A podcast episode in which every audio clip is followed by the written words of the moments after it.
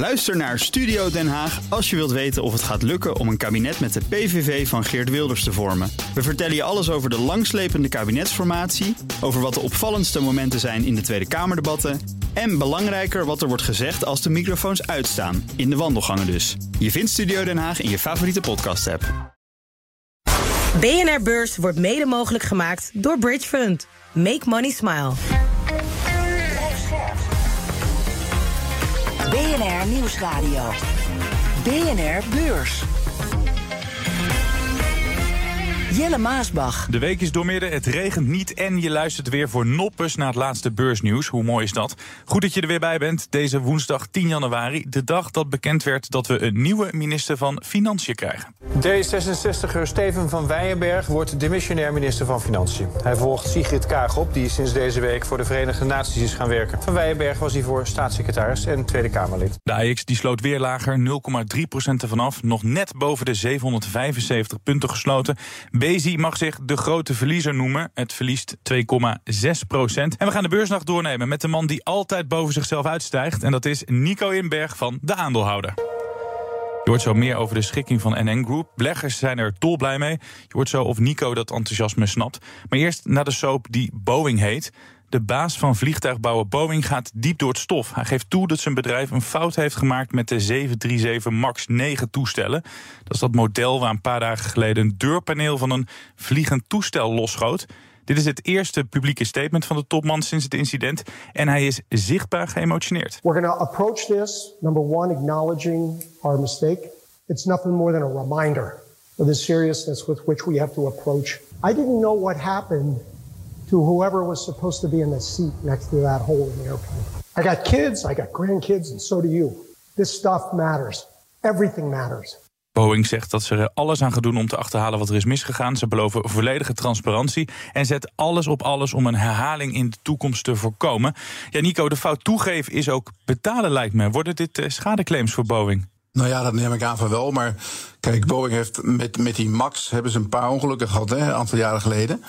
En uh, daar is ook een documentaire over gemaakt. En het is, wat, wat eigenlijk op neerkwam, was dat Boeing, dat, dat een soort cultuur is daar dat ze heel moeilijk hun fouten toegeven. Mm -hmm. En dat is waarschijnlijk ook de reden dat die man nu opeens zegt van uh, jongens, we gaan, we gaan uh, helemaal meewerken, volledige transparantie. En dat hij uh, min of meer schuld bekend. Die zegt van nou, we gaan er echt wat aan doen om te laten zien van dit overkomt ons niet nog een keer, want het heeft best veel ellende opgeleverd. Ze hebben dat ding eigenlijk te snel in elkaar geflanst. Die, die, die Max 7, dat ze een antwoord wilden hebben op die Airbus die er toen was. Ja. En uh, dus ja, het is eigenlijk een soort mea culpa wat hij wat die maakt. Die zegt van nou, we gaan echt alles eraan doen om dit, dit, uh, dit te achterhalen wat hier aan de hand is. Want er was ook nog een ander vliegtuig, geloof ik, waar die, die, die bouten dan los in lagen. Dus ja, dat, daar moeten ze wel wat aan doen. Denk je dat klanten nu weer met een gerust hart gaan shoppen bij Boeing?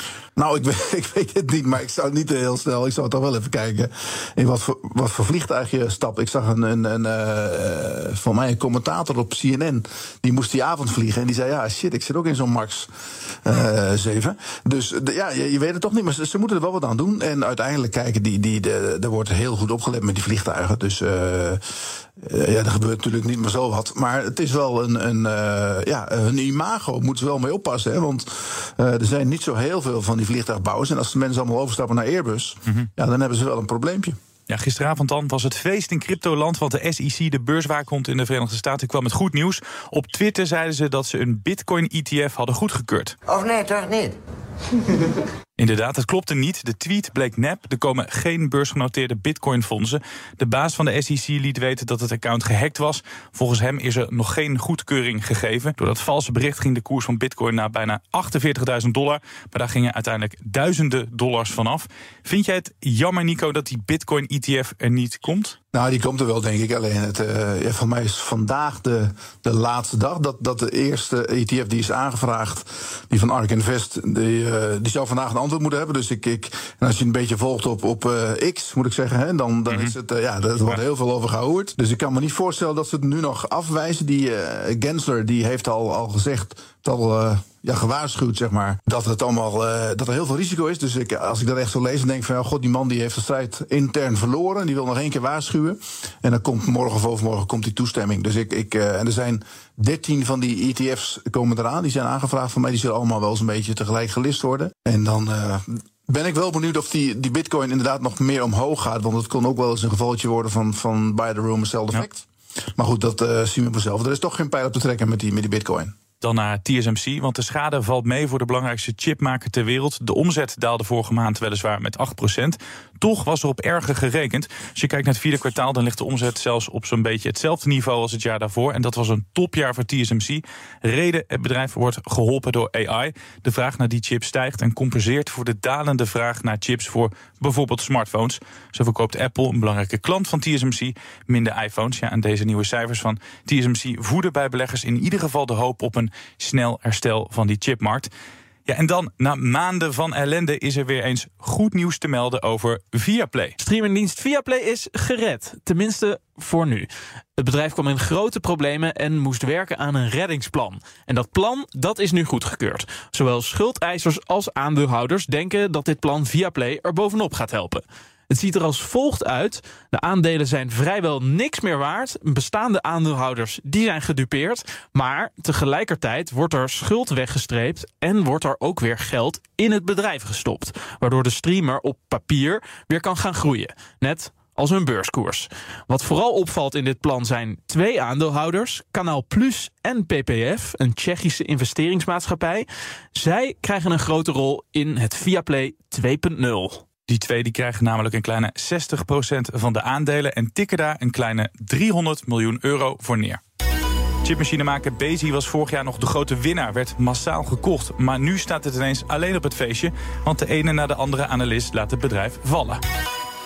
Maar we beginnen met NN Group. De verzekeraar heeft, net als de concurrentie, geschikt in het Woekerpolen-schandaal. Tienduizenden gedupeerden krijgen na jaren van procederen een schadevergoeding. NN trekt er in totaal 360 miljoen euro voor uit. Of dat ook een goede deal is, dat kan CEO David Knibbe niet zeggen.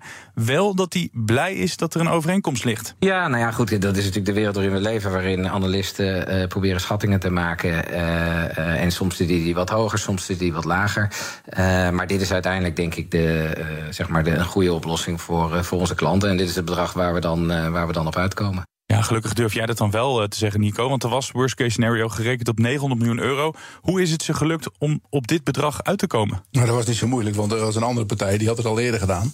AZR die heeft in, in november al een, een uh, ja, deal gesloten met mm -hmm. clubs. Uh, van mij had je in september was die laatste rechtszaak. Die betrof dan wel NN. En die viel negatief voor ze uit. En toen heeft eigenlijk Jos Baten van AZR, die was ook bij ons in de show bij de aandeelhouder, die heeft meteen contact opgenomen met die Woekerpolis clubs en gezegd van ik wil het gewoon van tafel hebben, ik wil het oplossen. En, en dat is hem in twee maanden gelukt. En toen heeft NN gezegd van hé, hey, dat, uh, dat willen wij ook. Dus en die hebben toen meteen contact opgenomen met die Woekerpolis clubs en, en eenzelfde deal gesloten. Dus het zat natuurlijk misschien iets anders in elkaar, maar ik denk dat de bedragen vergelijkbaar zijn. Uh, ASR betaalde uh, 300 miljoen. En zij komen iets hoger uit, 360 miljoen. Dat zal wel iets meer, iets andere polissen zijn. Dus uh, ja, die komen er denk ik goed vanaf. NN. Ja, dus een schijntje voor NN. Nou ja, een schijntje. Het is natuurlijk wel echt geld. Het is een, hoop geld. Maar er was inderdaad op meer gerekend. Er gingen bedragen rond van 900 miljoen. Ook wel, ook wel lager hoor. Maar mm -hmm. uh, analisten wisten dat, dat. Wij wisten ook heel moeilijk hoe we dat moesten inschatten. Omdat er zijn heel veel verschillende soorten polissen. Dus je wist echt, echt niet hoe dat dan in elkaar zat. Dus je moest maar een beetje afwachten. En uh, kijk, het mooie is in ieder geval dat, dat die, uh, die beleggers van toen... die krijgen nu hun geld. Dus die hoeven niet meer zo lang te wachten. Die clubs die kunnen, die kunnen ook door en die krijgen ook geld. En uh, voor beleggers is, is, is het risico weg. Want ja, ja, als je een, een, een aandeel hebt waar nog een rechtszaak uh, boven hangt. Zoals bijvoorbeeld bij Philips, dat soort dingen. Ja. daar hebben, hebben beleggers een hekel aan. En je weet nooit waar, waar het op uitkomt. Kost allemaal geld. Ja. Allemaal ellende en gedoe. En nu is het gewoon van tafel en dat is goed. NN Group was ook de grote winnaar, bijna 3% gestegen. Het is nu ook helemaal klaar, zeg jij dus, met het woekerspook? Nou ja, de, de 90% van de mensen moeten zich aanmelden. Mm -hmm. En uh, dat lijkt heel hoog, maar ik, ik heb begrepen van, van Jos Baden van AZ dat dat op zich wel te doen valt, omdat dat, uh, hij denkt dat 98, 99% het, het uh, met die deal eens is. Mm -hmm. Dus daar wel op in zal gaan. Dus het, dat lijkt me wel een gelopen koers. Maar ik vond de, de, de koersreactie vandaag was toch wel een beetje uh, matig. Ik had, wel, ik had er wel iets meer van verwacht. Uiteindelijk waar, uh, sloot de koers 3% hoger.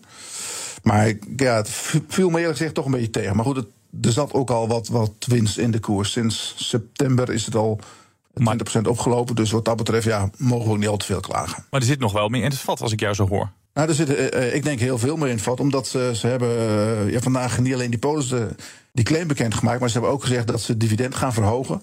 Behoorlijk gaan verhogen met, met dubbelcijferige groei. Dus laten we zeggen dat ze uit, gaan komen op 3,10 euro, 3,15 per aandeel. Misschien zelfs iets hoger. En dan kom je uit op een dividendrendement van, van 8,5% misschien 9% En dat is echt aan de hoge kant voor zo'n verzekeraar. Zeker nu het risico weg is.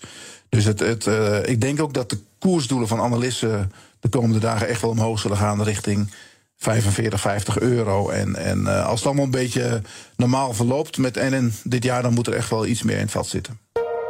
BZ wordt om de oren geslagen met adviesverlagingen. Was de chipmachinemaker vorig jaar nog de topper in de AEX... met een koersstijging van bijna 150% liet het iedereen achter zich. Nu zegt de ene naar de andere analist dat je het aandeel maar beter zo snel mogelijk kunt verkopen. In vier dagen tijd kreeg BZ drie belangrijke adviesverlagingen... van UBS tot Deutsche Bank. Allemaal zijn ze ineens geen fan meer van het aandeel. Ja, bijna iedereen kent ASML, maar ons land telt nog twee andere toppers. ASMI en BZ. Hun machines zijn minder groot, duur en spectaculair... maar ook hier geldt chipfabrikanten die kunnen niet zonder ze.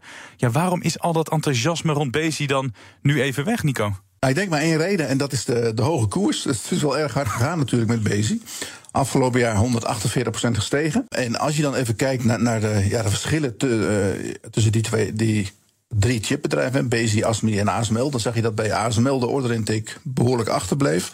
Bij ASMI was die eigenlijk heel goed, maar bij Bezi was die ook niet zo geweldig. En uh, Bezi heeft daar wel een nieuwe technologie ontwikkeld. Dat noemen ze uh, hybrid bonding. Uh, een beetje denk ik ingewikkeld om uit te leggen, maar dat, dat maakt niet veel uit. Maar, ja, daar wordt heel veel van verwacht, maar dat moet allemaal nog gebeuren. Ja. En uh, je, je, ziet nu dat die chipmarkt, je zag het ook aan de cijfers van Samsung en TSMC vandaag, dat het toch wel even een klein dipje is. En Bezi is, is van oudsher altijd een heel cyclisch aandeel geweest. Dus als die markt dan in, in een dip kwam, dan was het eerste wat, wat, wat uh, wat mensen deden, was bezig verkopen. Want die, die kregen als eerste uh, uh, cancellation zeg maar, van, ja, van orders te ja. verwerken. Dus die, die zijn altijd heel gevoelig. Ook als het weer omhoog gaat, gingen ze ook het hardst omhoog. En dat hebben we het afgelopen jaar gezien. Nou ja, en dan is het wel even gevoelig voor winstneming ook. En ik denk dat heel veel analisten ook wel eens een beetje iets hebben van... nou, uh, ja, met, met 140 euro om er dan nog een koop op te plakken, dat is me wel iets te enthousiast. Ik ga lekker veilig, ik zet het op hold of ik zet het even op cel. He, dan kan ik niet al te veel schade oplopen. En dan, uh, nou, misschien gaat het wel wat omlaag. En het ging inderdaad omlaag. Het beurs lag niet al te best de eerste week. Dus ja, uh, dan heb je al snel gelijk. Ja, jij zegt dus ze zijn bezig met nieuwe machines. Op dit moment uh, maken ze machines die chips bij elkaar of op elkaar plaatsen. Is dat zo bijzonder dat dat deze beurswaarde rechtvaardigt? Nou, ja, of het bijzonder is, weet ik niet. Maar die, de vraag naar die machines die komt eraan. Dat, dat gaat, gaat echt de goede kant op. En wat Bezi heel goed doet, is dat zij enorm hoge winstmarges hebben. En uh, dat, dat hebben ze bereikt omdat ze de fabrieken, die hebben ze in Maleisië staan, in Azië. En ze kunnen heel snel op- en afschalen. Dus als het, uh, de markt even tegenvalt, dan gaan al die, ja, sturen ze al die Maleisiërs naar huis, bij wijze van spreken. Mm -hmm. En dan hebben ze meteen lage kosten. En, en als het de andere kant op gaat, werkt dat ook zo. Dus ze hebben enorm hoge winstmarges. Nog hoger dan ASML en ASMI. Ik geloof dat ze bruto marge hebben van 65 procent. Dat, dat is echt bizar hoog. En daar worden ze ook op gewaardeerd. Ja, en als je heel veel winst maakt, dan, dan krijg je ook een hoge beurskoers. Dat, dat hoort er ook een beetje bij. Hoe is de prijs vergeleken met een uh, ASML of een uh, ASMI? Als je keek naar die drie, was de ASML eigenlijk altijd de duurste. Maar ASML valt nu een beetje tegen. Daar, daar is ook wat gedoe. Hè. ASML mag niet leveren aan China. De, ja, die order intake was niet heel goed. Uh, ze hebben ook gezegd dat, dat 2000 24 waarschijnlijk een tussenjaar wordt. Dus ASML is wel wat afgekomen en doet niet al te veel. Terwijl uh, ASM International, ASMI, die doen het eigenlijk best heel goed. Die hebben ook een, een aparte technologie ontwikkeld. Die hebben een heel mooi bedrijfje overgenomen in Italië, wat heel goed loopt. -hmm. Dat hadden ze nog niet overgenomen of die begon echt enorm te groeien. Dus um, als ik zo kijk, van die drie is denk ik op dit moment ASMI uh, uh, de leukste om te hebben. Bezi, daar zit wel heel veel fantasie in. Maar goed, dat is ook al enorm hard opgelopen. En ASML, ja, als ze zelf zeggen van uh, we hebben een tussenjaar. Uh, ja, in een tussenjaar gebeurt niks. Dat, dat, is eigenlijk een beetje eufemistisch voor. Uh, ja, we groeien niet. Dus ja, dan blijven mensen even, even. die kijken even een deurtje verder vaak. Maar toch, Nico, die analisten die zeggen dus: verkoop je aandelen BC. Maar ik had het net over TSMC. Die zeggen: ja, uh, die chipmarkt, herstel is in zicht. Het gaat weer beter. Is dit dan wel het moment om ze te verkopen? Nou ja, ik denk dat, dat, dat, dat die analisten, wat die, allemaal, die kijken allemaal een beetje naar de koers. En dat, dat begrijp ik ook wel. Die koers is hard opgelopen. Dus ik denk, nou, we gaan er toch even naar kijken. En, en hoeveel potentie zit er nog in? Hè? De orders zijn er nog niet. Mm-hmm. die, die moeten nog komen. Die komen er misschien aan. Daar is iedereen wel van overtuigd. Ze waren zelf ook behoorlijk overtuigd uh, de afgelopen keer bij de kwartaalcijfers. Bezi, Blikman. Dus uh, ja, dat gelooft men dan wel. Maar goed, als die koers zo hard oploopt dan, dan moet je niet te raar opkijken dat analisten denken van... nou, ik haal even mijn adviesje van tafel, want uh, stel dat het tegenvalt... Hè, dan, dan heb ik er nog op kopen staan met 140 euro... en dan word ik daar weer op afgerekend. BNR Beurs.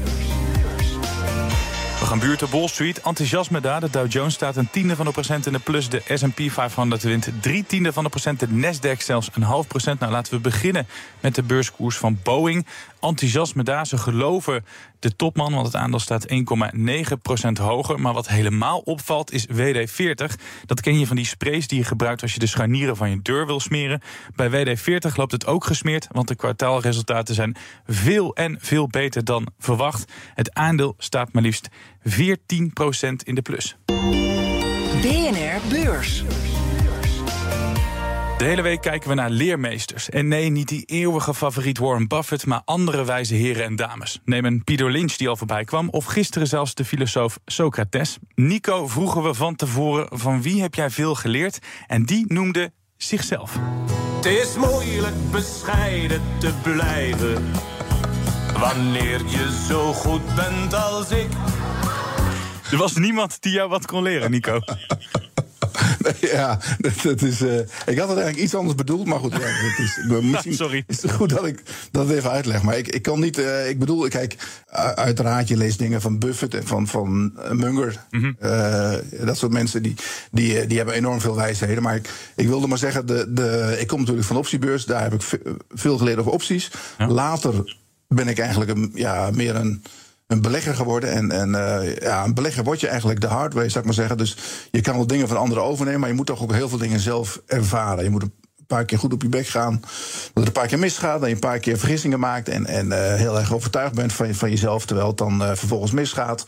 En daar leer je van. En dan, dan uiteindelijk word je neterig en weet je dat de markt altijd de markt is. De markt altijd doet wat hij zin in heeft. Dat als iedereen, hè, bijvoorbeeld, ja, vandaag was weer een heel mooi voorbeeld dat iedereen zat in, in één groep. En dan, gaat, dan uh, komt dat bericht en dan gaat die koers nauwelijks omhoog. Omdat iedereen er ook weer uit moet. Of heel veel mensen winst willen nemen. En dan gebeurt er eigenlijk niks. Dus dat zijn allemaal van die dingen. Die, uh, ja, dat moet je leren en dan moet je meemaken. En dan, uh, dan ja, weet je het voor de volgende keer. Maar vaak trap je de volgende keer er weer in. En wat was de en grootste dat, fout waar jij wat van hebt geleerd? Ach man, ik heb er zoveel gemaakt dat iedereen weet. Dat kan ik er een dag over vertellen. Maar er, er, zijn natuurlijk heel veel dingen. Kijk, bijvoorbeeld bijkopen is, is, uh, is vaak heel slecht. Ik had ooit een uh, aandeel gekocht. Uh, UPC was dat op 48 euro, kocht ik het 1000. En toen, dat ging helemaal mis. Mm -hmm. Toen, dat aandeel was op, kostte op een gegeven moment 50 cent. En toen heb ik er voor hetzelfde bedrag bijgekocht. Dus kocht ik er 100.000 bij. Maar uiteindelijk ging hij naar nul. Dus bijkopen is niet zo'n heel goed idee. Daar moet je echt van overtuigd zijn dat het wel de goede kant op gaat. Maar uh, dat zijn van die, allemaal van die wijsheden. Ja, je leest dat ook wel van Buffett en van weet ik veel wie allemaal. Maar ik moet ook zeggen, dat soort mannen maken ook allemaal dat soort fouten. Buffett is, is natuurlijk uh, is bijna een heilige. Ja. Wat, wat hij deed met airliners tot twee keer toe instappen in airliners en weer eruit op een verkeerd moment.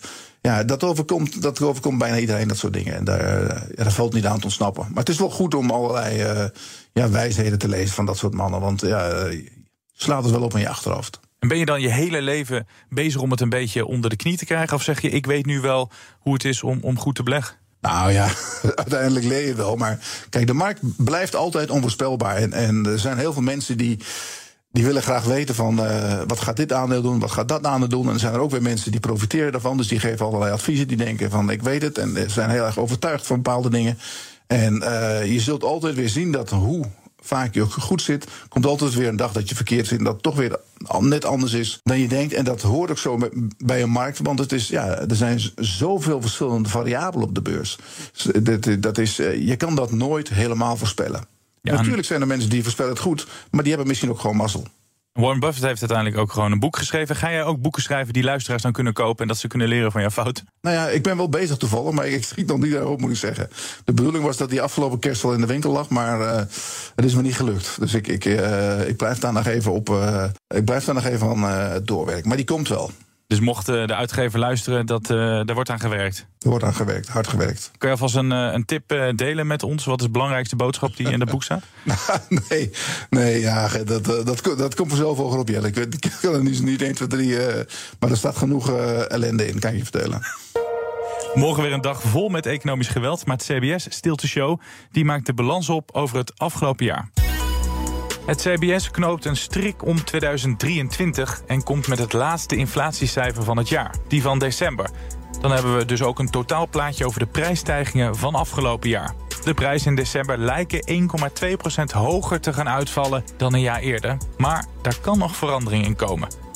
Ook komen er nog cijfers van de Britten. Zo geven ketens als Marks Spencers en Tesco inkijk in de boeken. Die moeten laten zien hoe ze telkens maar weer omgaan met de cost of living crisis... die de gemoederen in het Verenigd Koninkrijk bezighoudt. Dit was de BNR Beurs van woensdag 10 januari. Het was vooral de show met voormalig lievelingen. Boeing, dat vroeger de grootste en populairste vliegtuigbouwer was... maar nu het ene na het andere probleem moet verantwoorden. Bezi was vorig jaar een van de favorieten op de beurs.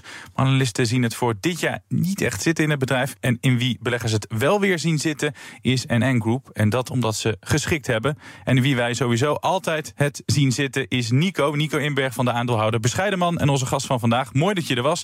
En benieuwd hoe het eh, boek gaat heten. Dankjewel. Maar dat komt later, hè? Ja, spannend. komt vanzelf wel op. Wij, wij zijn er morgen weer, dan is Wesley hier weer. Bedankt voor het luisteren. Tot dan. Hoi. BNR Beurs wordt mede mogelijk gemaakt door Bridge Fund. Make money smile. Dit jaar bestaat de gezelligste vrijdagmiddagborrel, de Friday Move, 15 jaar. Dit radioprogramma verdient een radioring. En daarom hebben we jouw hulp nodig. Ga naar bnr.nl slash radioring en stem op de Friday Move. Help ons die ring te winnen. Ook Diana Matroos vind je in de BNR-app. Ja, inderdaad. Je kunt live naar mij luisteren tijdens de Big Five. Ook handig in de BNR-app. Breaking nieuwsmeldingen, maar ook het allerlaatste zakelijke nieuws.